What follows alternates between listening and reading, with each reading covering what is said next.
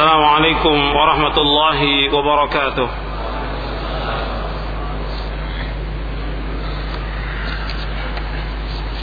إن الحمد لله نحمده ونستعينه ونستغفره ونعوذ بالله من شرور أنفسنا ومن سيئات أعمالنا. من يهده الله فلا مضل له ومن يضلل فلا هادي له.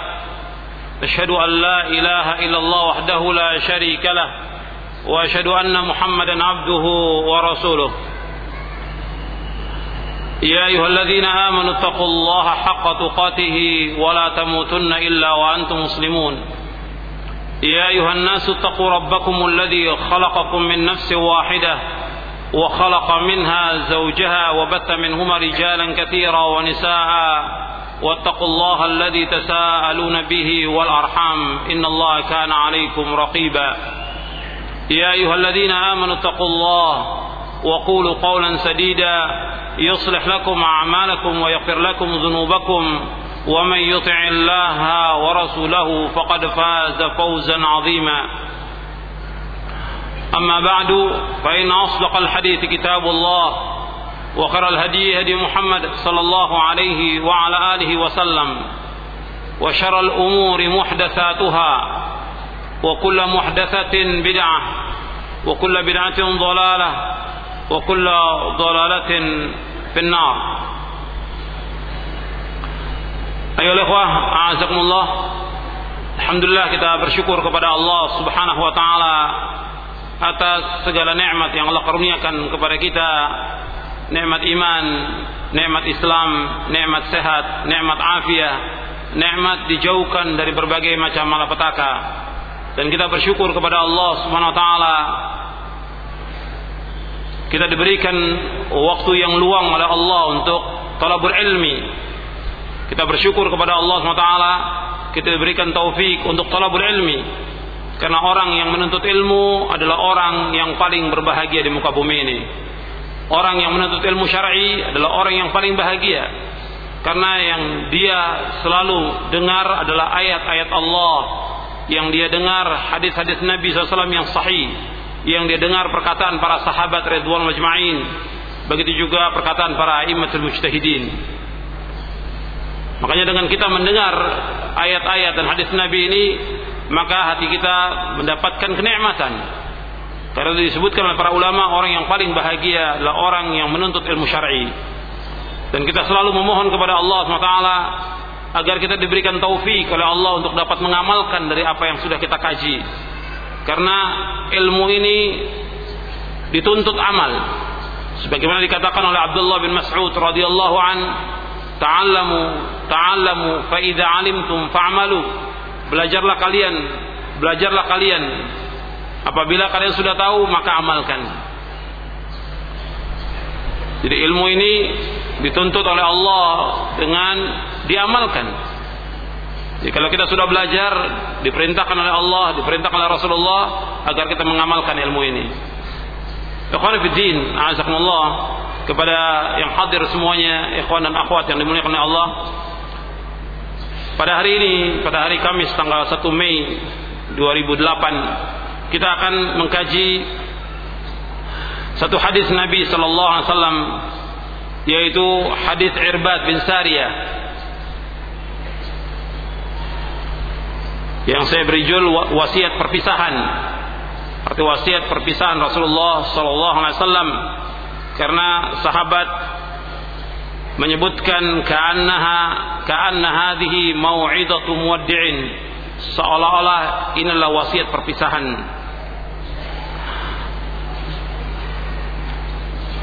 Saya bacakan hadisnya dan saya akan jelaskan di dalam buku ini di buku wasiat perpisahan ini ada 10 poin yang kita akan bahas di buku ini. Insyaallah kita akan bahas 1 sampai 9 karena yang ke-10-nya berkaitan dengan fawaid. Hadisnya antum lihat di halaman 7.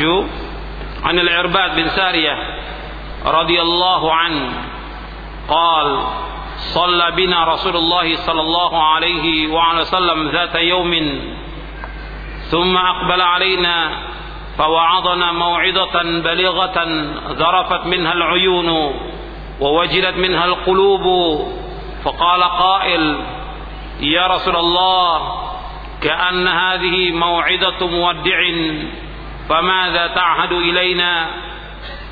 فقال أوصيكم بتقوى الله والسمع والطاعة وإن عبدا حبشيا فإنه من يعش منكم بعدي فسيرى اختلافا كثيرا.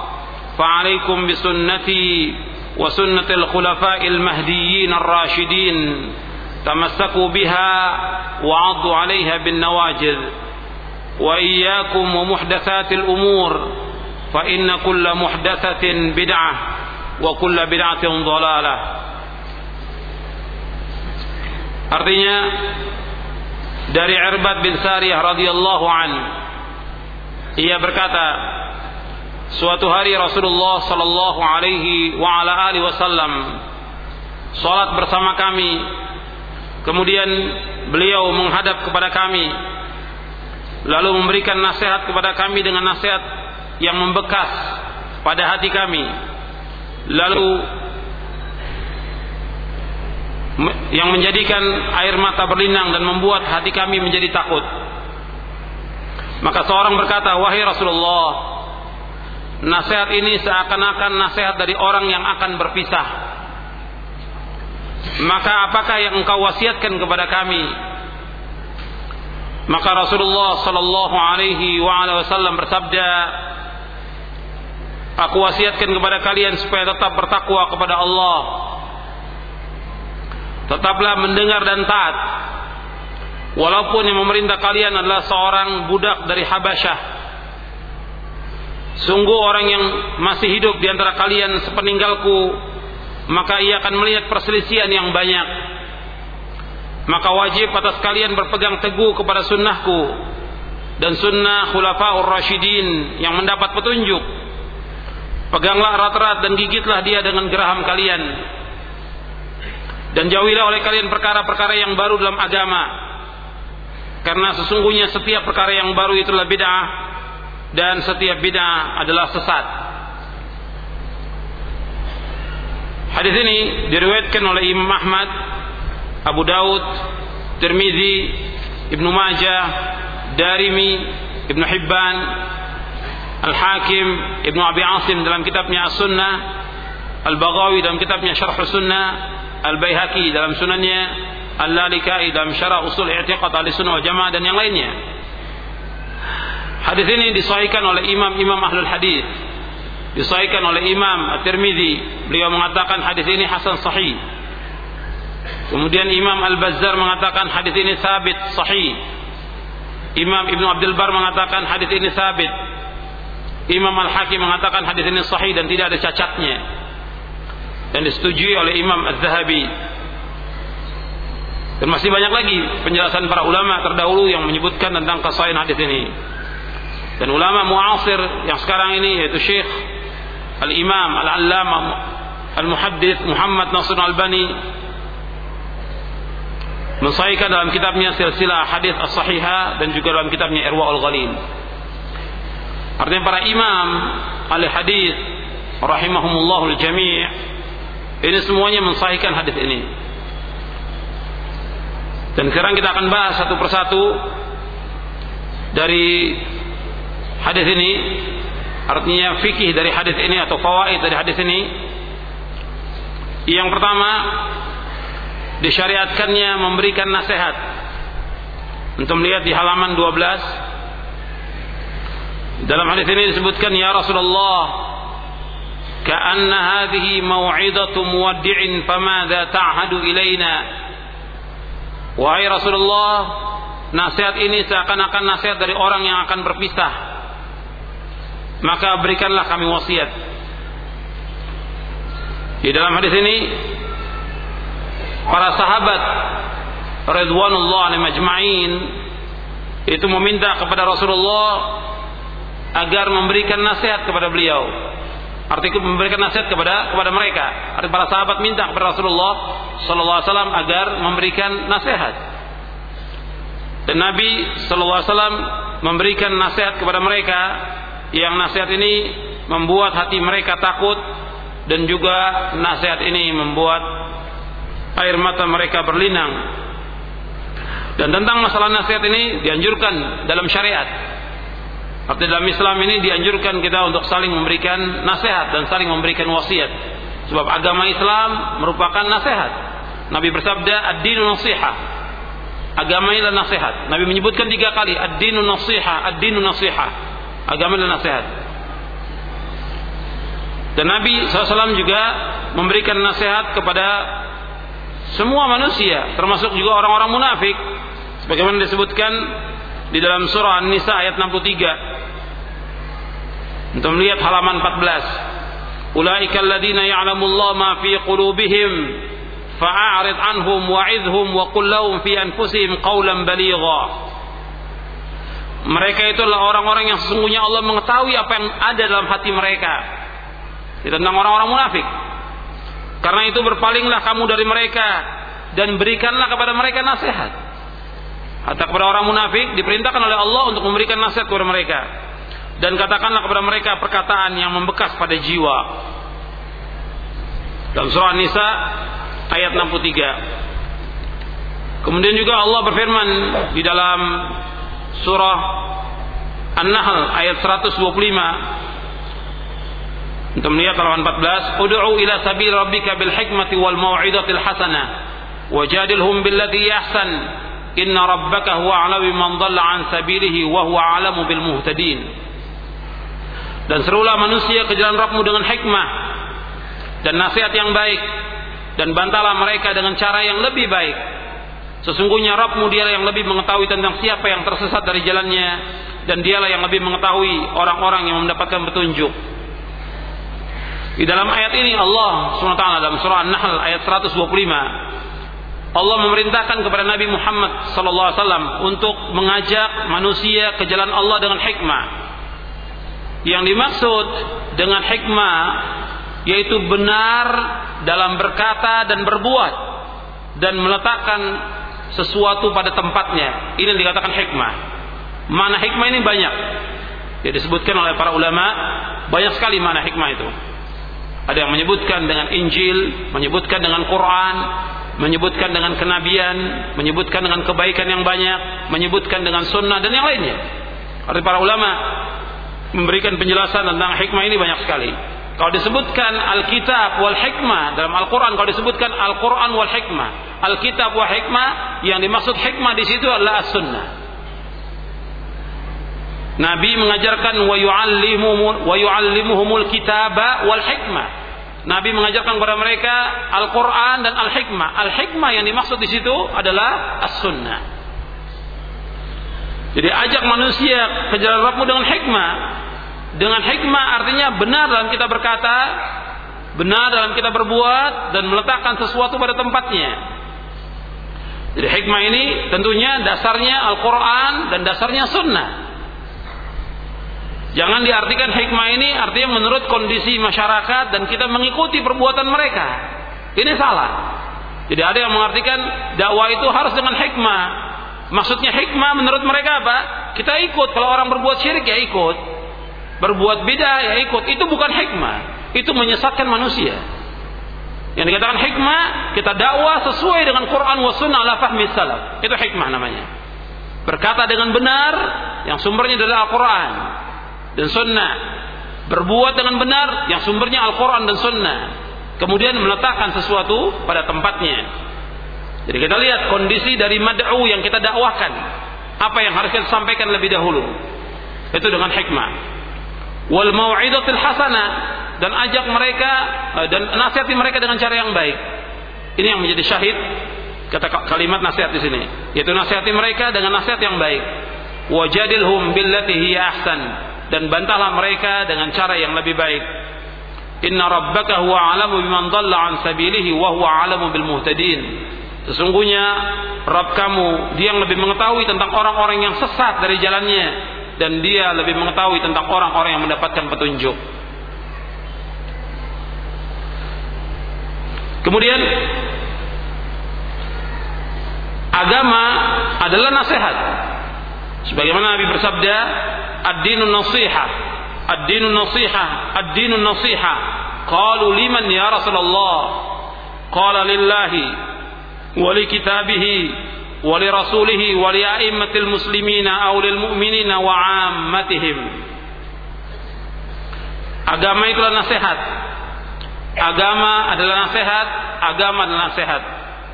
Mereka para sahabat bertanya untuk siapa wahai Rasulullah? Rasulullah SAW menjawab untuk Allah. Kitabnya rasulnya pemimpin kaum muslimin atau pemimpin kaum mukminin dan bagi kaum muslimin pada umumnya. Hadis ini sahih diriwayatkan oleh Imam Muslim Abu Daud Nasai Ibnu Hibban Ahmad dan Baihaqi. Dari sahabat Abu Ruqayyah Tamim bin Aus Ad-Dari radhiyallahu anhu di sini disebutkan yaitu agama nasihat. Untuk siapa? Untuk Allah. Maksudnya nasihat untuk Allah dengan mentauhidkan Allah, menjauhkan syirik. Itu nasihat untuk Allah. Itu ringkasnya. Kemudian nasihat untuk kitabnya, kita beriman kepada Al-Quran dan kepada isinya dan wajib bagi kita untuk mengamalkannya. Nasihat kepada Rasulnya dengan kita mengimani Rasulullah SAW dan kita wajib memenuhi hak-hak Rasulullah. Kalau nasihat kepada Allah kita memenuhi hak Allah, yaitu hak Allah kita mentauhidkan Allah menjauhkan syirik. Dan hak Rasulullah kita wajib mentaati beliau, menjauhkan apa yang beliau larang, membenarkan apa yang beliau sampaikan dan kita beribadah menurut apa yang beliau syariatkan. Ini haknya Rasulullah. Kemudian imam kaum muslimin dan imam kaum mukminin nanti kita akan bahas itu tentang asam wa ta'ah, tentang mendengar dan taat. Wa ammatihim dan nasihat kepada kaum muslimin. Atau memberikan nasihat kepada mereka dengan cara yang baik. Jadi memberikan nasihat ini harus memiliki ilmu dan adab-adab yang harus diperhatikan. Di antara adab-adab memberikan nasihat yang dijelaskan oleh para ulama yaitu kita memberikan nasihat dengan ikhlas karena Allah dengan lemah lembut dan sabar serta memberikan nasihat dengan cara yang baik tidak di depan khalayak ramai. Dan melihat di halaman 16 jadi adab memberikan nasihat yaitu harus ikhlas karena Allah. Ikhlas karena Allah. Kemudian lemah lembut arif dan Nabi selalu menganjurkan yaitu arif lemah lembut. Kemudian sabar dan kita kaum muslimin dianjurkan untuk saling memberikan nasihat dan saling mengingatkan. Jadi bukan dengan cara mencela, bukan dengan cara menuduh, bukan dengan cara yang lain, tapi dengan nasihat, dengan kebenaran dan kesabaran. Sebagaimana Allah berfirman, "Wal 'asri innal insana fi khusrin illa alladziina amanu wa 'amilus shalihat wa tawassaw bil haqqi wa tawassaw bis sabr." Demi masa sesungguhnya manusia benar-benar dalam kerugian kecuali orang-orang yang beriman dan beramal saleh dan saling menasihati untuk mentaati kebenaran dan saling menasihati untuk menetapi kesabaran. Dalam surah Al-Asr ayat 1 sampai 3, surah Al-Asr.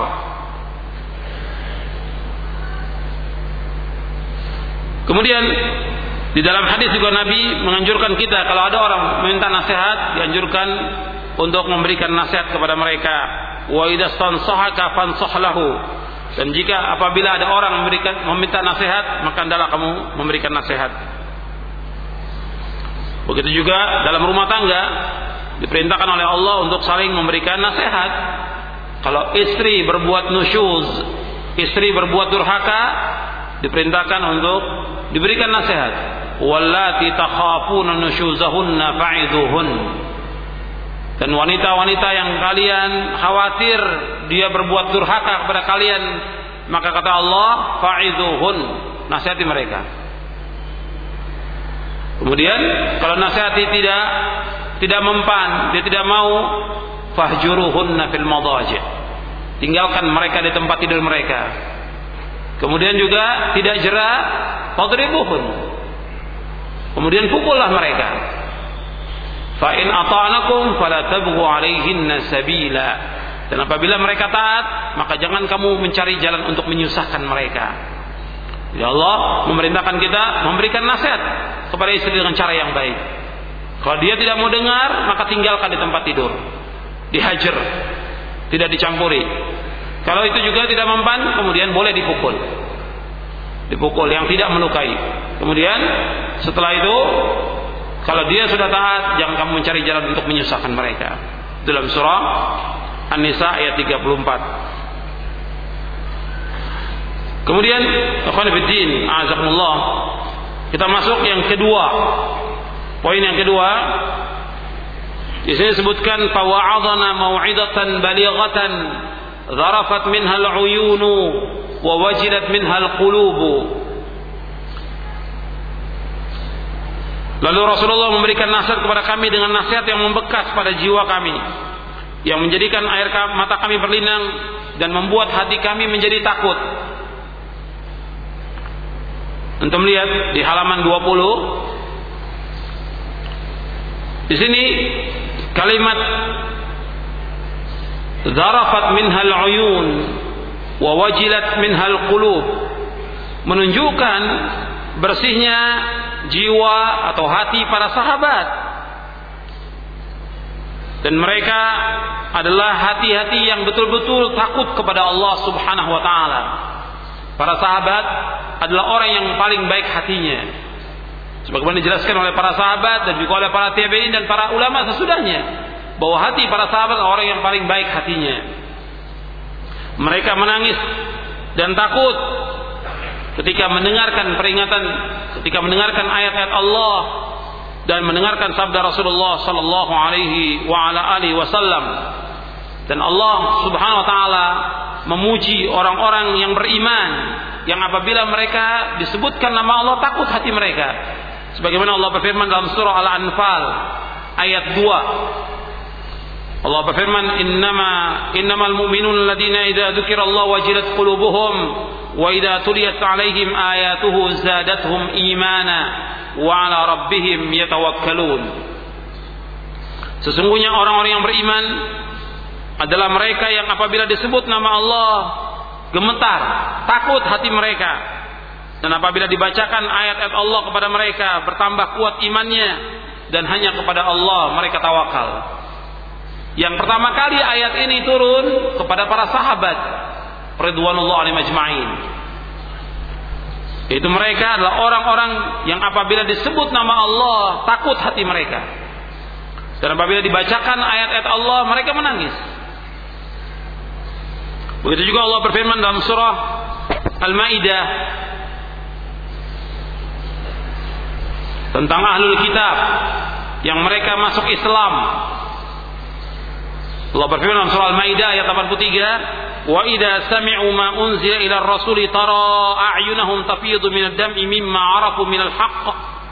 Dan apabila mereka mendengarkan Al-Quran yang diturunkan kepada Rasul kepada Muhammad SAW kamu lihat mata mereka mencucurkan air mata disebabkan kebenaran yang telah mereka ketahui dalam kitab-kitab mereka sendiri.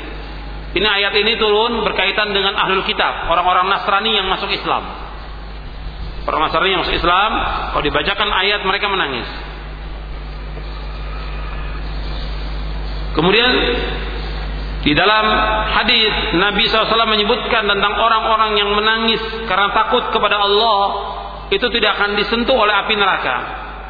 Nabi bersabda, "Ainani la tamassuhuman naru, ainun bakat min khasyatillahi wa ainun batat tahrusu fi sabilillah." Ada dua mata yang tidak akan disentuh oleh api neraka. Mata yang menangis karena takut kepada Allah dan mata yang begadang untuk berjaga di jalan Allah. Hadis ini sahih diriwayatkan oleh Imam Tirmizi dari sahabat Abdullah bin Abbas radhiyallahu anhuma. Maksud dari dua mata yang begadang untuk berjaga dengan Allah yaitu ketika berjuang, ketika perang. Jadi ketika perang terjadi peperangan antara kaum muslimin dengan kafirin, maka orang-orang yang berjaga di perbatasan khawatir diserang oleh musuh-musuh Islam, maka orang yang bergadang menjaga kaum muslimin dari serangan musuh-musuh Islam, maka orang yang berjaga ini, yang matanya dia berjaga, dia melek menunggu khawatir musuh menyerang, maka orang ini tidak akan disentuh oleh api neraka pada hari kiamat nanti. Jadi wa'inun bata tahrusu fi sabilillah. Kemudian ikhwan fillah, azakumullah bahwa para sahabat Ridwan majma'in adalah orang yang hatinya baik.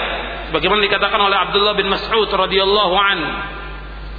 Kata bin Mas'ud barang siapa di antara kalian yang ingin meneladani hendaklah ia meneladani para sahabat Rasulullah sallallahu alaihi wasallam karena sesungguhnya mereka adalah umat yang paling baik hatinya paling dalam ilmunya paling sedikit bebannya paling lurus petunjuknya dan paling baik keadaannya.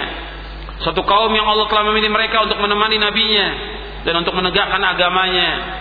Maka kenalilah keutamaan mereka, ikutilah asal-asal mereka karena mereka berada di atas jalan yang lurus.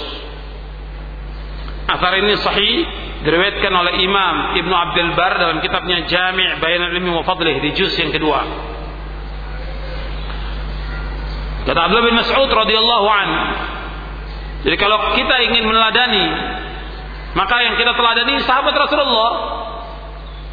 Disebutkan di sini alasannya. Yang pertama, mereka orang yang paling baik hatinya. Jadi kalau kita ingin ikut orang itu meneladani orang yang paling baik hatinya. Yang kedua, yang paling dalam ilmunya. Yang ketiga, yang paling sedikit bebannya, tidak takalluf. Sahabat orang yang paling sedikit bebannya. Artinya mereka kalau mereka tahu mereka sampaikan ilmu. Kalau mereka tidak tahu mereka tidak menjawab. Mereka mengatakan Allahu a'lam. Tidak tahu. Mengatakan kalau ada orang bertanya, dia tidak tahu, dia jawab Allahu a'lam. La adri. Karena la adri nasful ilm. Makanya mereka adalah orang sedikit bebannya. Tidak seperti orang-orang yang sekarang. Takalluf, memberatkan diri. Dia tidak tahu, kemudian dia paksakan untuk menjawab. Kemudian para sahabat orang yang paling lurus petunjuknya. Karena mereka mengikuti Quran wa sunnah. Mereka berada Yang kelima, mereka orang yang paling baik keadaannya. Jadi keadaan mereka ada orang yang paling baik.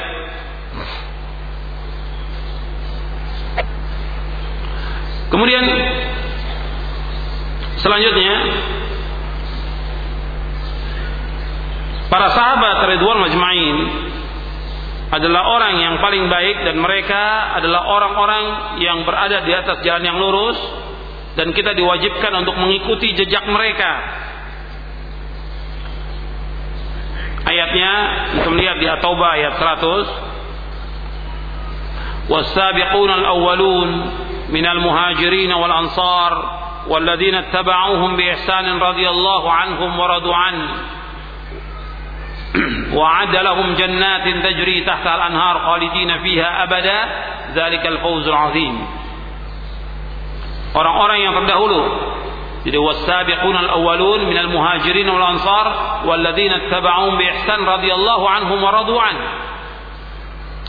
Orang-orang yang terdahulu lagi pertama masuk Islam di antara orang-orang Muhajirin ansor serta orang-orang yang mengikuti mereka dengan baik.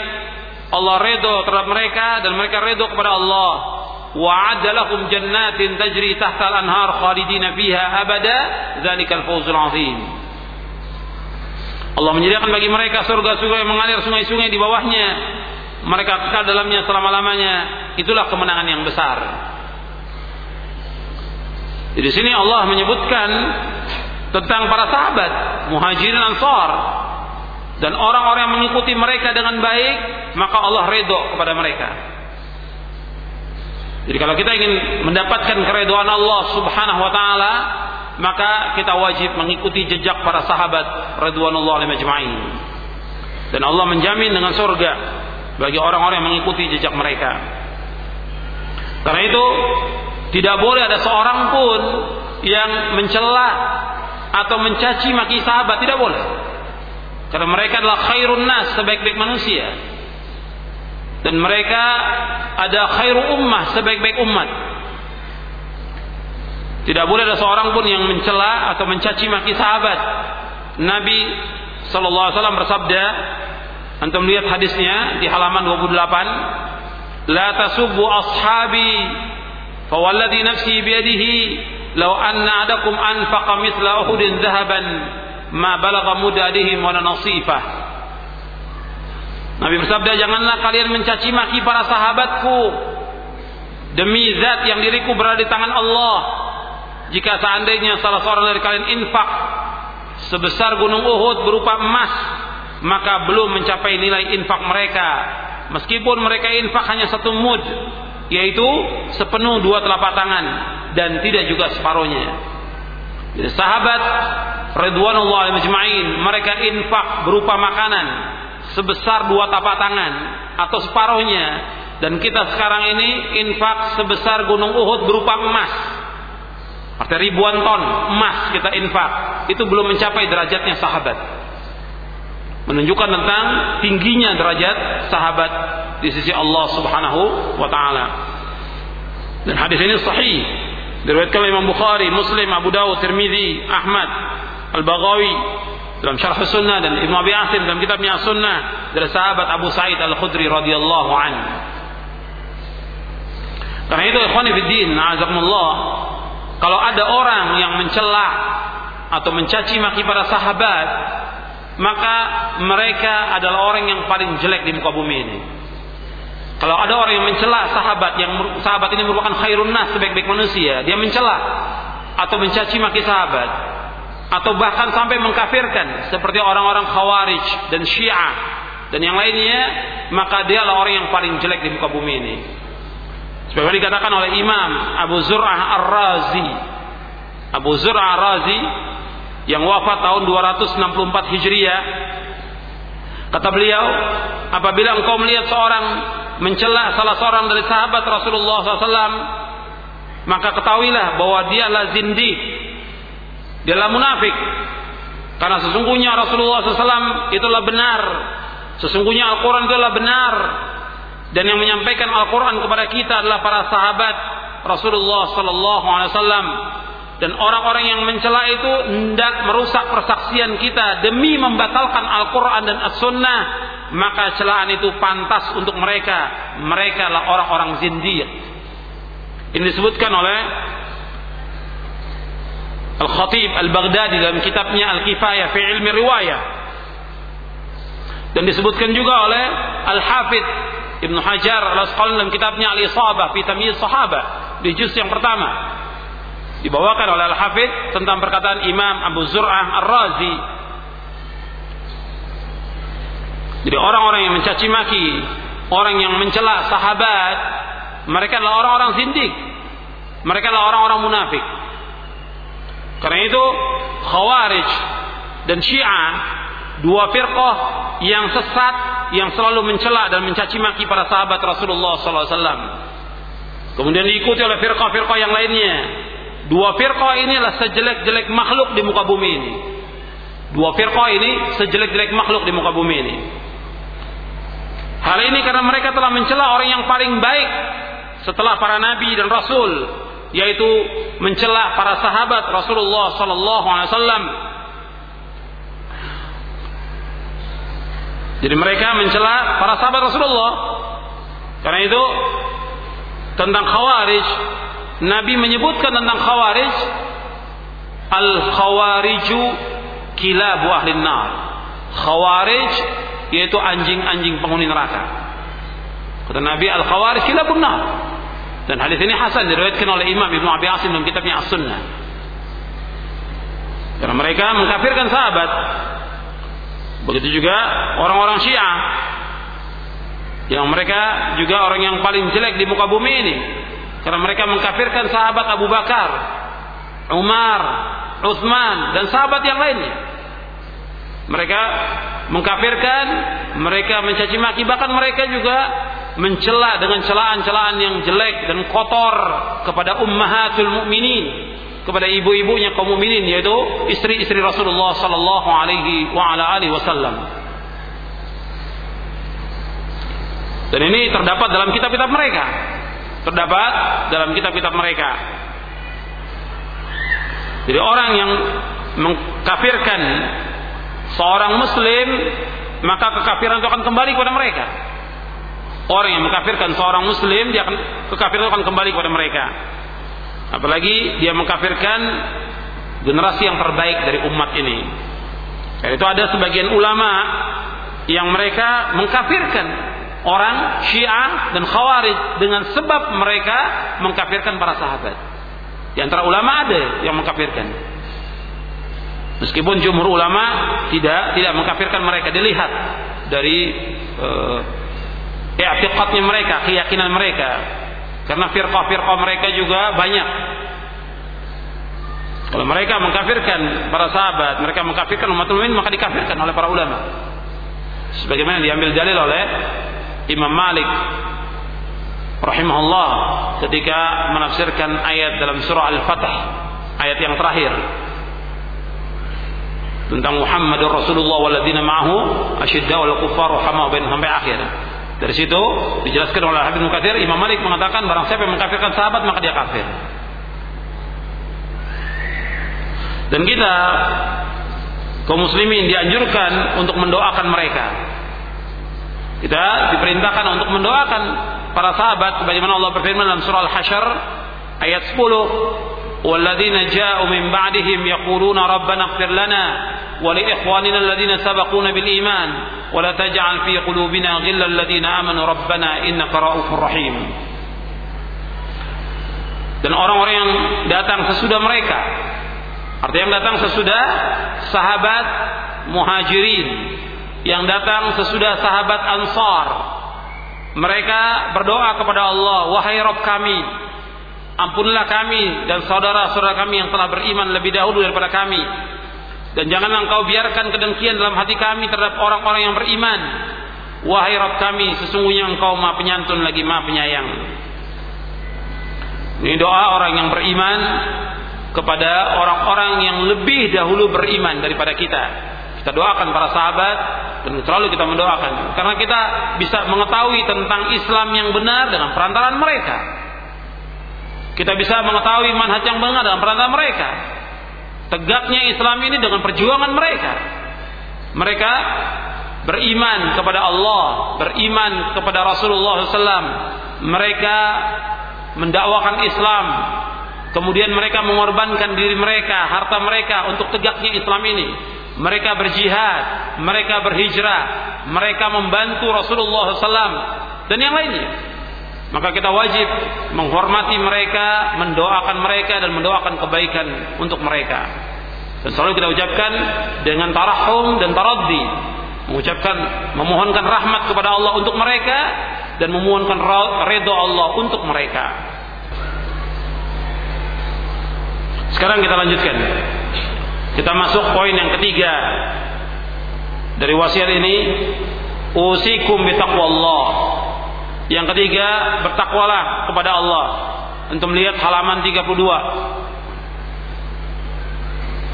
Rasulullah sallallahu alaihi wasallam berwasiat kepada para sahabat agar mereka senantiasa bertakwa kepada Allah. Wasiat dengan takwa adalah wasiat yang paling mulia. Wasiat yang menjamin kebahagiaan di dunia dan di akhirat bagi orang-orang yang berpegang teguh kepadanya. Dan wasiat takwa merupakan wasiat Allah kepada manusia generasi pertama dan akhir. Sebagaimana Allah berfirman dalam surah An-Nisa ayat 131 walaqad wassayna alladziina utul kitaba min qablikum wa iyyakum an ittaqullah. Wa in takfuru fa inna lillahi ma fis samawati wa ma fil ard. Wa kana Allahu ghaniyan hamida dan sungguh kami telah memerintahkan kepada orang-orang yang telah diberikan kitab suci sebelum kalian dan juga kepada kalian agar kalian semuanya bertakwa kepada Allah. Tetapi jika kalian ingkar, maka ketahuilah milik Allah apa yang ada di langit dan apa yang ada di bumi dan Allah Maha Kaya dan Allah Maha Terpuji. Di dalam ayat ini Allah SWT berfirman, sungguh kami telah mewasiatkan orang-orang ahlul kitab sebelum kalian dan juga kepada kalian agar bertakwa kepada Allah Subhanahu wa taala. Dan wasiat yang paling baik yaitu wasiat takwa. Karena orang yang bertakwa adalah orang yang paling mulia di sisi Allah SWT. Inna akramakum indallahi atqakum. Sesungguhnya orang yang paling mulia di antara kalian adalah orang yang paling bertakwa. Kemudian ikhwan fiddin na'azakumullah kepada ikhwan dan akhwat yang dimuliakan oleh Allah bahwa takwa yang dimaksud menurut penjelasan para ulama dan ini takwa ini wasiat yang sering disampaikan. Yang dikatakan takwa itu adalah kita menjaga diri kita dari jatuhnya kepada perbuatan dosa dan maksiat. Kata Ibnu Abbas radhiyallahu anhuma bahwa orang yang bertakwa adalah orang yang takut hukuman Allah karena meninggalkan petunjuk yang telah mereka ketahui dan mereka mengharap rahmatnya dengan membenarkan apa yang dia bawa. Itu disebutkan oleh Ibnu Rajab dalam kitabnya Jami'ul Ulum wal Hikam. Kemudian Abdullah bin Mas'ud radhiyallahu an ketika menafsirkan ayat Ya ayyuhalladzina amanu taqullaha haqqa tuqatih wa la tamutunna illa wa antum muslimun Wahai orang-orang yang beriman, bertakwalah kepada Allah dengan sebenar-benar takwa dan janganlah kalian mati melainkan dalam keadaan Islam. Dijelaskan oleh Abdul bin Mas'ud yang dimaksud dengan takwa di sini dengan sebenar-benar takwa ayyuta'a fala yu'sa wa ayyuzkara fala yunsa wa ayyushkara fala yukfar. Ini mengartikan bahwa Allah itu harus ditaati dan tidak boleh kita berbuat maksiat kepada Allah. Wa yuzkara fala yunsa. Dan kita selalu ingat kepada Allah. Dan jangan melupakan Allah. Wa ayyushkara fala yukfar. Dan dala kita selalu bersyukur kepada Allah dan tidak tidak kufur. Itu yang dikatakan takwa dengan sebenar-benar takwa yaitu taat kepada Allah dengan tidak berbuat maksiat dengan selalu ingat kepada Allah dan tidak melupakan Allah dan selalu bersyukur kepada Allah dan tidak kufur. Kemudian disebutkan oleh Talq bin Habib rahimahullah seorang tabi'i. Dia mengatakan tentang takwa ini kata beliau at-taqwa an ta'mala bi ta'ati min Allah tarju thawab Allah wa an tatruka ma'siyat Allah ala nuri min Allah takhafu iqab Allah. Takwa ialah melaksanakan ketaatan kepada Allah dengan cahaya dari Allah. Karena mengharapkan ganjaran dari Allah dan kau meninggalkan perbuatan maksiat kepada Allah dengan cahaya dari Allah karena takut kepada azab Allah. Jadi yang dikatakan takwa itu kita melaksanakan ketaatan kepada Allah dengan dasar iman kepada Allah SWT. Dan kita mengharapkan ganjaran dari Allah dan kita meninggalkan perbuatan maksiat dengan dasar iman. Dengan cahaya dari Allah. Yaitu dengan dasar iman dan takut kepada siksaan Allah Subhanahu wa taala. Ini yang dikatakan takwa. Kemudian ikhwan fillah, azakumullah. Seorang kalau dia ingin mencapai takwa kepada Allah SWT maka yang pertama kalau dia ingin mencapai takwa kepada Allah yang pertama talabul ilmi. Karena seorang tidak mungkin dia mencapai derajat takwa kalau dia tidak menuntut ilmu syar'i. Sebab dengan dia menuntut ilmu syar'i, dia akan tahu yang mana yang hak, yang mana yang batil yang mana tauhid, mana syirik, mana sunnah, mana bid'ah, yang mana yang taat, mana maksiat, dia akan tahu dengan dia talabul ilmi syar'i. Maka untuk mencapai derajat takwa, seseorang itu harus menuntut ilmu syar'i. Harus belajar dengan sungguh-sungguh mempelajari Al-Qur'an was sunnah ala fahmi salaf. Kemudian yang kedua, untuk mencapai takwa yaitu seseorang dia harus mentauhidkan Allah menjauhkan syirik yang kedua, untuk mencapai takwa, dia harus mentauhidkan Allah, menjauhkan syirik. Ini takwa. Sebab nggak mungkin seorang mencapai takwa dalam keadaan dia berbuat syirik kepada Allah SWT. Dan seorang tidak akan bisa mencapai takwa kepada Allah kalau dia berbuat syirik kepada Allah. Yang dikatakan takwa ini mentauhidkan Allah Subhanahu wa taala. Dia takwa ini mentauhidkan Allah Subhanahu wa taala. Makanya khatib-khatib yang sering mengingatkan kaum muslimin usikum wa iyai Allah. Aku wasiatkan kepada kalian dan juga untuk diriku untuk bertakwa kepada Allah. Kalau wasiat takwa, maka dia pertama kali para khatib, para dai, dia harus bertakwa kepada Allah dengan mentauhidkan Allah, menjauhkan syirik. Karena ini pokok daripada takwa. Di takwa itu mentauhidkan Allah, menjauhkan syirik. Itu takwa kepada Allah SWT. Kemudian untuk mencapai takwa lagi yang ketiga dengan kita melaksanakan perintah-perintah Allah dan menjauhkan larangannya. Jadi untuk mencapai takwa yaitu dengan melaksanakan perintah Allah dan menjauhkan larangannya. Sering orang memberikan definisi yang dikatakan takwa melaksanakan perintah Allah dan menjauhkan larangannya. Itu betul, tapi perlu kepada rincian. Melaksanakan perintah Allah, perintah Allah yang paling besar adalah mentauhidkan Allah. Perintah Allah yang paling besar adalah mentauhidkan Allah dengan tauhid rububiyah, uluhiyah, asma wa sifat. Kemudian menjauhkan larangan. Larangan yang paling besar adalah syirik. Larangan yang paling besar di muka bumi yang Allah larang umat ini yaitu syirik. Jadi umat ini wajib menjauhkan segala macam perbuatan syirik. Baik itu syirkun akbar maupun syirkun asgar. Jadi ini sering saya sampaikan tentang masalah takwa ini. Jadi seorang mencapai derajat takwa itu dengan mentauhidkan Allah dengan tiga macam tauhidnya, tauhid rububiyah, uluhiyah, asma sifat. Kemudian selanjutnya di antara untuk bisa mencapai takwa juga dengan kita al-amru bil ma'ruf wan nahyi anil munkar. Yang keempat, untuk mencapai takwa itu dengan kita melaksanakan amar ma'ruf nahi munkar.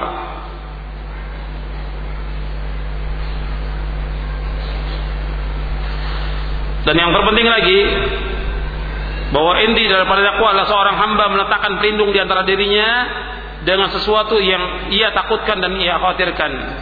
Jadi takwa seorang kepada Rabbnya ialah ia meletakkan antara dirinya dengan apa yang ia takutkan kepada Rabbnya yaitu kemarahan dan hukumannya.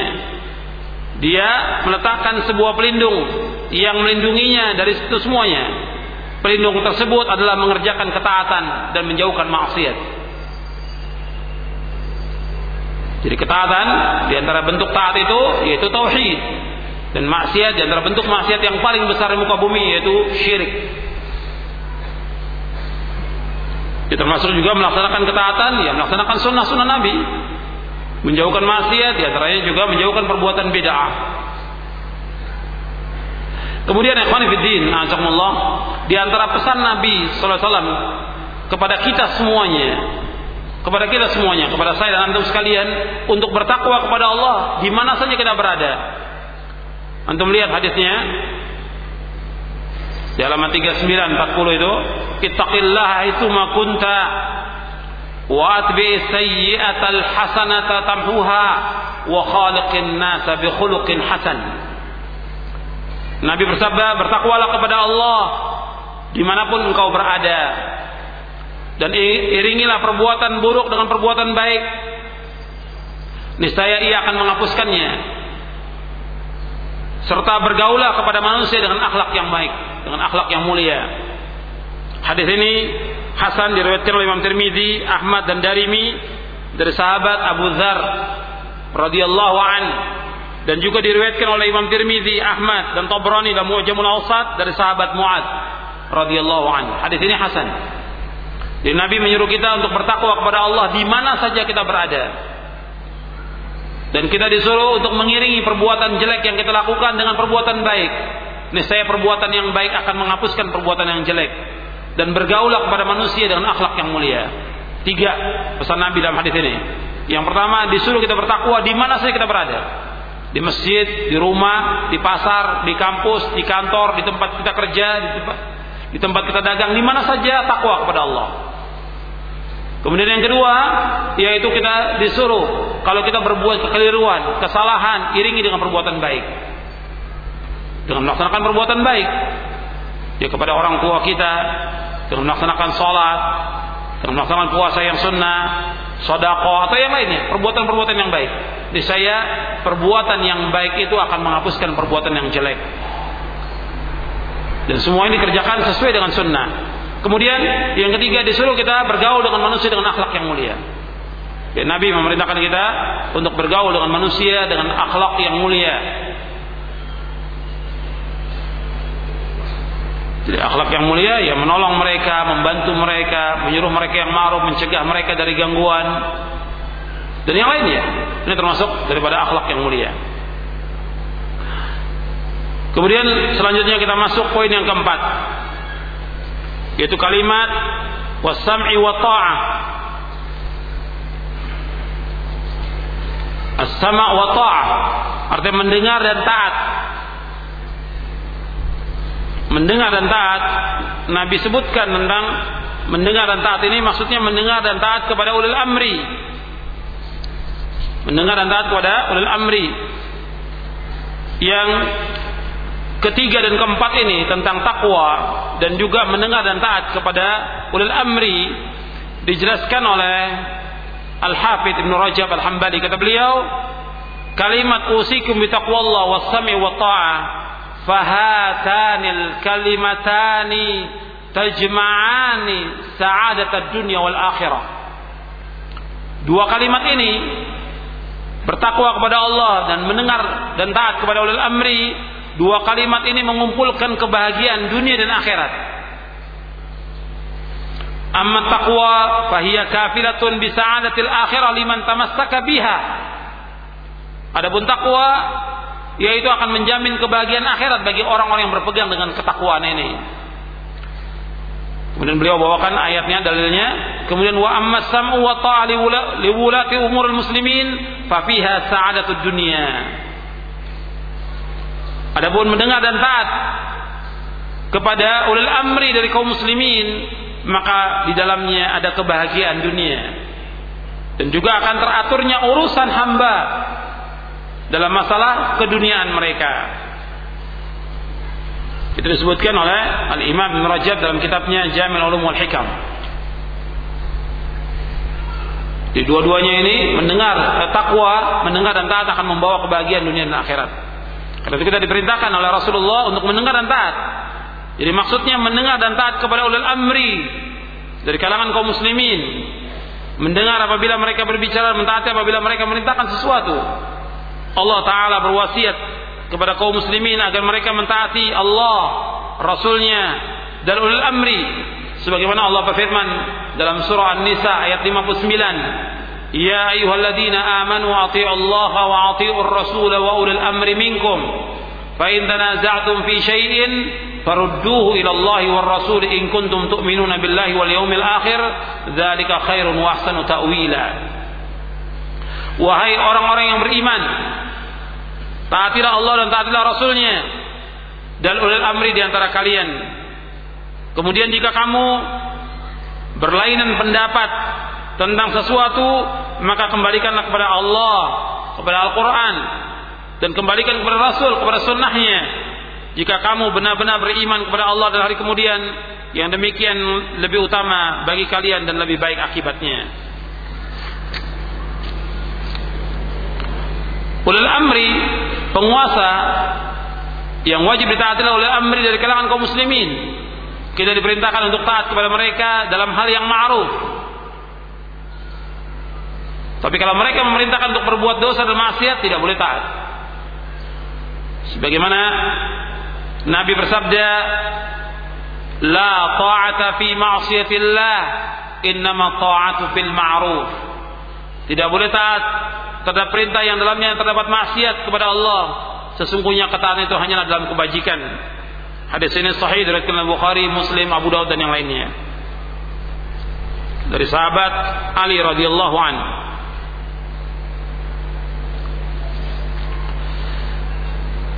Kemudian Ali bin Abi Thalib menyebutkan bahwasanya manusia tidak bisa diperbaiki kecuali oleh pemimpin. Apakah pemimpin itu baik atau pemimpin itu jahat? Jika pemimpin itu jahat, orang mukmin beribadah kepada Rabbnya pada masa pemerintahannya dan pemimpin jahat tersebut membawanya pada ajalnya. Ini disebutkan oleh Ali bin Abi Thalib Artinya manusia tetap mesti ada pemimpin. Tidak mungkin tidak ada pemimpin, mesti ada pemimpin. Apakah pemimpin itu baik atau pemimpin itu jahat? Apakah pemimpin itu dia orang yang taat atau dia orang yang fajir? Dan kita sebagai rakyat diwajibkan oleh Allah dan Rasulnya untuk taat kepada ulil amri. Yang memerintahkan kita untuk taat kepada ulil amri Allah yang memerintahkan kita untuk taat kepada amri Rasulullah SAW. Allah dan Rasulnya yang memerintahkan kita untuk mendengar dan taat kepada amri. Dengan kita taat kepada amri berarti kita taat kepada Allah dan Rasulnya. Meskipun ulil amri ini berbuat jahat. Meskipun ulil amri berbuat zalim. Kita tidak redo dengan kezalimannya ulil amri. Tidak redo. Selama-lamanya kita tidak redo. Tapi karena Allah dan Rasul memerintahkan kita untuk taat, kewajiban kita untuk taat. Bukan berarti kalau kita taat itu kita redo kepada kezaliman ulil amri. Tidak. Ketaatan ini karena Allah Rasulnya memerintahkan. Antum lihat lagi. Di halaman 45. Alal mar'il muslim as-sam'u wa ta'atu ma habba wa kariha illa ayyumara bi ma'siyatin fa in umira bi ma'siyatin fala sam'a wa la ta'ah. Wajib atas seorang muslim untuk mendengar dan taat kepada penguasa pada apa-apa yang ia cintai atau ia benci kecuali kalau ia disuruh untuk berbuat kemaksiatan. Jika ia disuruh untuk berbuat maksiat, maka tidak boleh mendengar dan tidak boleh taat. Hadis ini sahih diriwayatkan Imam Bukhari, Muslim, Tirmidzi, Ibnu Majah, Nasai, Ahmad dari sahabat Ibnu Umar radhiyallahu anhuma. Di Nabi bersabda, wajib atas seorang muslim untuk mendengar dan taat. Kepada siapa? Ulul amri. Apakah dia itu dia memerintahkan yang dia sukai atau dia benci? Tapi kalau memerintahkan untuk maksiat, maka tidak boleh taat. Kemudian perhatikan di halaman 46. Berkata Imam Al-Qadhi Ali bin Ali bin Muhammad bin Abil Iz Ad-Dimashqi rahimahullah terkenal dengan Ibnu Abil Iz Al-Hanafi yang wafat tahun 792 Hijriah. Beliau berkata, hukum mentaati ulil amri adalah wajib selama tidak dalam kemaksiatan meskipun mereka ulil amri berbuat zalim karena kalau keluar dari ketaatan kepada mereka akan menimbulkan kerusakan yang berlipat ganda dibandingkan dengan kezaliman penguasa itu sendiri bahkan bersabar terhadap kezaliman mereka dapat melebur dosa-dosa dan dapat melipat gandakan pahala karena Allah Ta'ala tidak akan menguasakan mereka atas diri kita melainkan disebabkan kerusakan amal perbuatan kita juga. Ganjaran itu bergantung pada amal perbuatan. Maka adalah kita bersungguh-sungguh memohon ampunan, bertobat dan memperbaiki amal perbuatan. Allah taala berfirman, "Wa ma asabakum min musibatin fabima kasabat aydikum wa ya'fu an katsir." Dan apa saja musibah yang menimpa kalian maka disebabkan oleh perbuatan tangan kalian sendiri dan Allah memaafkan sebagian besar dari kesalahan-kesalahan itu. Dalam surah Asy-Syura ayat 30. Allah juga berfirman dalam surah Al-An'am ayat 129, "Wa kadzalika nuwalli ba'dadh-dhalimina ba'dan bima kanu yaksibun." Dan demikianlah kami jadikan sebagian orang-orang yang zalim menjadi pemimpin bagi sebagian yang lain disebabkan apa yang mereka usahakan. Jadi adanya pemimpin-pemimpin yang zalim pemimpin-pemimpin yang jahat, pemimpin-pemimpin yang tidak memperhatikan hak rakyatnya disebabkan karena rakyatnya berbuat zalim. Disebabkan karena rakyat berbuat zalim. Disebabkan karena rakyat berbuat maksiat. Disebabkan karena rakyat tidak taat kepada Allah Rasulnya. Maka diangkat pemimpin itu yang sesuai dengan rakyatnya. Yang saya akan jelaskan di penjelasan nanti. Penjelasan Al-Imam Ibn Qayyim jadi apabila rakyat ingin selamat dari kezaliman pemimpin mereka, hendaknya mereka meninggalkan kezaliman itu juga. Kemudian ini disebutkan dalam syarah akidah atau hawiyah. Syekh Al-Albani rahimahullah Beliau mengatakan penjelasan di atas, penjelasan Ibnu Abi Izz Al-Hanafi sebagai jalan selamat dari kezaliman para penguasa yang warna kulit mereka sama dengan kulit kita. Berbicara sama dengan bahasa kita. Karena itu agar umat Islam selamat, supaya selamat, yang pertama, kata Syekh Al-Albani rahimahullah, hendaklah kaum muslimin bertaubat kepada Allah taala. Yang kedua adalah mereka memperbaiki akidah mereka. Dan yang ketiga adalah mereka mendidik diri dan keluarga di atas Islam yang benar sebagai penerapan firman Allah taala Inna Allah la yughayyiru ma biqaumin hatta yughayyiru ma bi anfusihim. Sesungguhnya Allah tidak merubah keadaan satu kaum sehingga mereka merubah keadaan yang ada pada diri mereka. Kemudian Syekh Al-Albani membawakan perkataan seorang dai, "Aqimu dawlatal Islam fi qulubikum tuqam lakum fi ardikum." Tegakkanlah negara Islam dalam hati kalian. Niscaya akan tegak negara Islam itu di bumi kalian. Jadi untuk menghindari dari kezoliman penguasa bukan dengan cara menurut sangkan mereka dengan memberontak.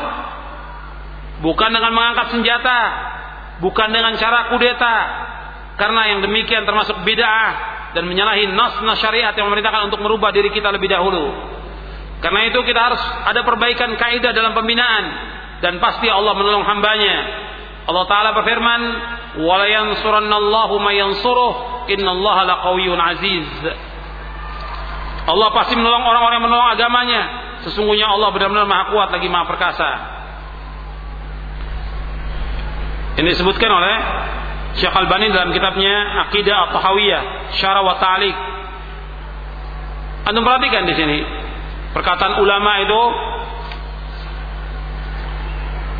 kita harus dengar dan kita taati karena mereka mengatakan dengan dasar dalil dari Quran, dengan dasar dalil dari Sunnah Nabi, dan juga mereka melihat dengan mata hati mereka terhadap kondisi kaum muslimin yang ada di muka bumi ini. Seperti penjelasan Al-Imam Ibn Abil Aziz Al-Hanafi, penjelasan Syekh Al-Bani, begitu juga yang lainnya yang saya tidak muat di buku ini, penjelasan Syekh bin Baz, penjelasan Syekh Utsaimin. Atau ulama-ulama sebelumnya, rahimahumullah jami' mereka menasihati sama yaitu hendaknya kaum mukminin, kaum muslimin bertaubat kepada Allah atas dosa mereka. Jadi jangan mereka hanya menuding penguasanya yang zalim, penguasanya jahat, penguasanya berbuat maksiat, dia harus diri sendiri. Bahwa dia juga berbuat dosa, dia juga berbuat maksiat. Kemudian yang kedua, mereka memperbaiki akidah mereka. Dia perbaiki akidah dulu. Kemudian setelah itu mendidik diri mereka dan keluarga. Maka anda perhatikan, ketika orang mengatakan bahwa kondisi negara ini sudah rusak umpamanya, atau negara lain sudah rusak, kondisinya pemerintahnya tidak benar dalam memerintah, atau zolim, atau yang lainnya. Ketika dia mengatakan harus ada perubahan, ada perubahan. Dari mana perubahan itu? Apakah perubahan dari penguasa atau perubahan dari diri kita? Perubahan dari penguasa tidak disebutkan dalam Al-Quran. Tidak disebutkan dalam hadis. Yang ada dalam Al-Quran disuruh kita merubah diri kita dulu. Inna Allah la ma biqaumin hatta yughayyiru ma bi anfusihim. Sesungguhnya Allah tidak akan merubah satu kaum sampai mereka merubah apa yang ada pada diri mereka. Jadi yang dirubah siapa? Diri kita dulu. Umat ini dibina, dididik, akidahnya mereka, manhajnya mereka, pemahamannya mereka, ibadahnya mereka, akhlaknya mereka. Diajarkan yang benar umat ini, maka akan ada perubahan nantinya. Diri kita dulu, keluarga kita, umat. Bukan pemimpin. Yang sekarang ini orang berusaha bagaimana untuk merubah pemimpin. Ini diganti, diganti yang lain yang sama jenisnya dengan mereka. Dirubah lagi, diganti lagi yang sama. Nggak akan ada perubahan. Karena Allah menyuruh apa? Untuk merubah diri kita. Dan untuk melihat bagaimana para nabi dan para rasul berdakwah.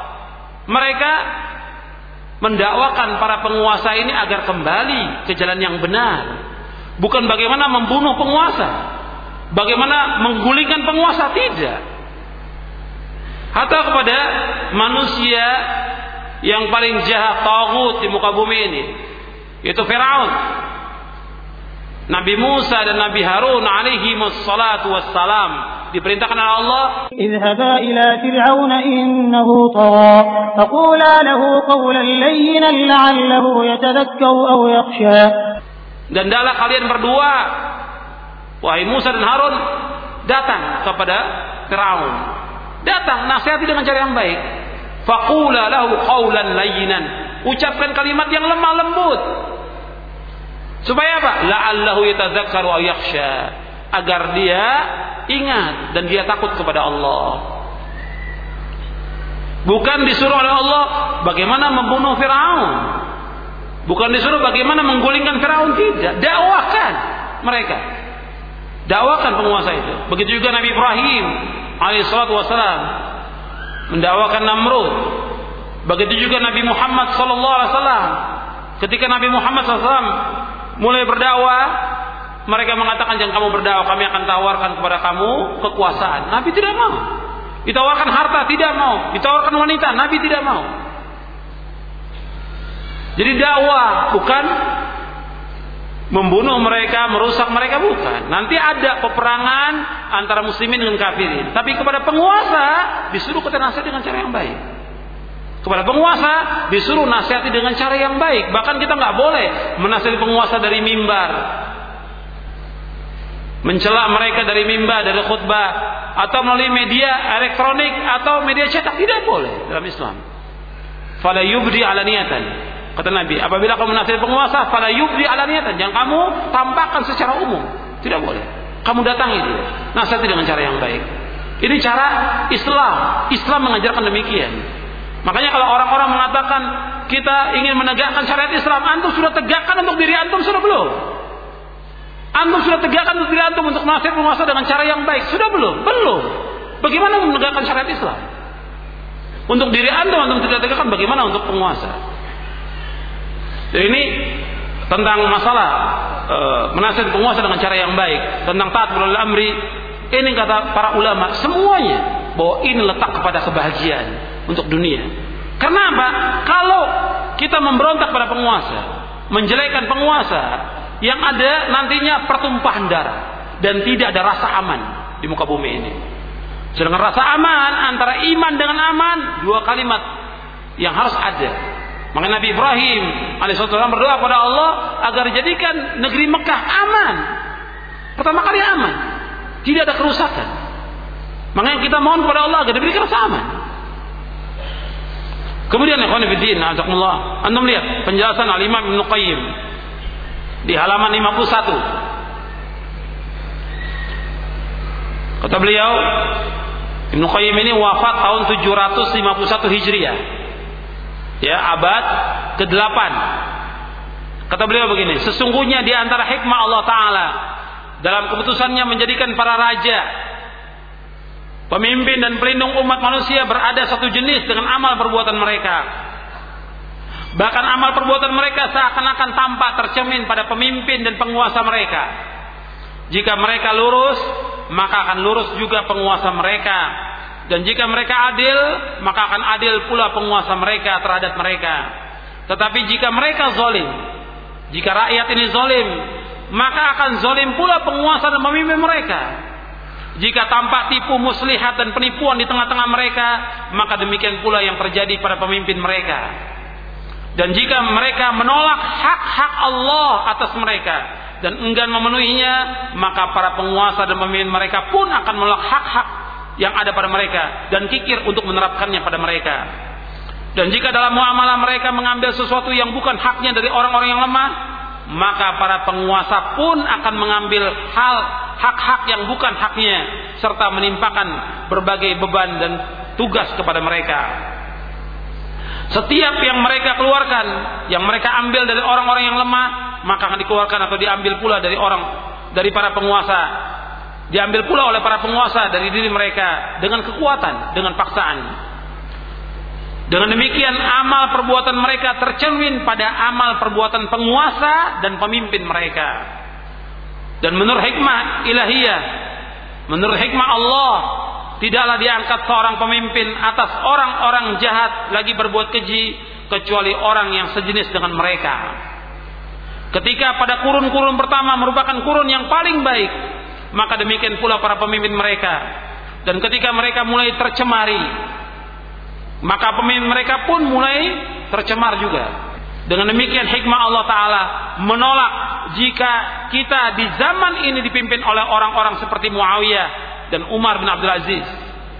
Apalagi orang seperti Abu Bakar dan Umar. Tetapi pemimpin kita sesuai dengan keadaan kita. Dan pemimpin orang-orang sebelum kita pun sesuai dengan kondisi mereka masing-masing Eh, kondisi mereka. Masing-masing dari kedua hal tersebut merupakan konsekuensi dan tuntutan hikmah Allah SWT. Ini dibawakan oleh Imam Ibn Qayyim dalam kitabnya Miftah dari Sa'adah di juz yang kedua. yang ditahqiq oleh Syekh Ali Hasan bin Ali Abdul Hamid. Jadi Miftah dari Sa'adiyah terdiri dari tiga jilid. Dan jilid yang pertama itu beliau banyak membahas tentang masalah ilmu, keutamaan ilmu syar'i. Kemudian nih dalam jilid yang kedua ada beberapa poin yang beliau bahas di antaranya masalah ini, masalah penguasa. Jadi penguasa yang ada mencerminkan tentang rakyatnya.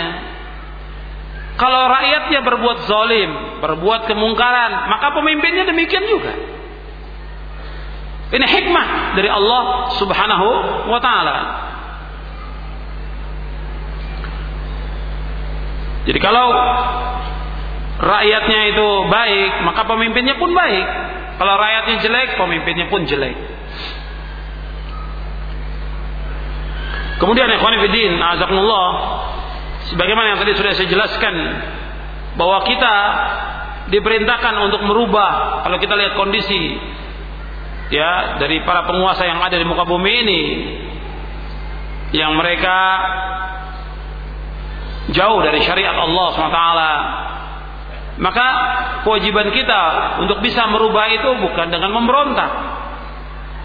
Bukan dengan mencemarkan nama mereka. Bukan dengan cara demo atau yang lainnya. Tapi disuruh kita merubah diri kita seperti yang disebutkan oleh Syekh Al-Bani tadi kita harus tobat kepada Allah. Kita memperbaiki akidah kita. Kemudian kita mendidik diri dan keluarga kita. Itu yang paling pokok. Karena di akhirat kita nggak akan ditanya oleh Allah siapa pemimpin kamu? Nggak akan ditanya oleh Allah. Tapi kita akan ditanya oleh Allah pada kiamat, bagaimana diri kamu, istri kamu, anak kamu, kamu tanggung jawab atau tidak? Sebab kita diperintahkan oleh Allah untuk menjaga diri kita dan keluarga kita dari api neraka. Ya ayyuhalladzina amanu qu anfusakum wa ahlikum nara. Wahai orang beriman, jaga diri kamu dan keluarga kamu dari api neraka. Allah akan tanya tentang diri kita dan keluarga kita bagaimana kita sebagai pemimpin dalam rumah tangga akan ditanya oleh Allah. Dan Nabi juga bersabda, "Kullukum ra'in wa kullukum mas'ulun an ra'iyati." Setiap kalian pemimpin dan setiap kalian akan ditanya oleh Allah tentang kepemimpinannya. Dan kita harus merubah diri kita dulu. Kalau kita ingin merubah satu keadaan di masyarakat atau umat, maka kita harus merubah diri kita dulu. Karena Allah yang berfirman demikian, "Innallaha la yughayyiru ma biqaumin hatta yughayyiru ma bi anfusihim." Sungguhnya Allah tidak akan merubah satu kaum sampai mereka merubah apa yang ada pada diri mereka. Dan ini syarat. Artinya Allah akan berjanji umat Islam akan ditolong oleh Allah. Allah berjanji akan memberikan kepada umat Islam ini kemenangan. Allah berjanji akan memberikan kejayaan kepada umat Islam. Syarat ini janji. Tapi janji ini harus ada syaratnya. Syaratnya apa? Kita harus merubah diri kita dulu. Syaratnya kita harus berubah diri kita dulu. Jadi kemenangan umat Islam, kemuliaan, kejayaan umat Islam ini janji dari Allah. Tapi syaratnya harus penuhi. Syaratnya umat Islam harus merubah diri mereka. Ya tentang akidah, tentang ibadah, tentang akhlak, tentang muamalah, tentang yang lainnya. Mereka harus berubah dulu. Mengikuti Rasulullah dan para sahabatnya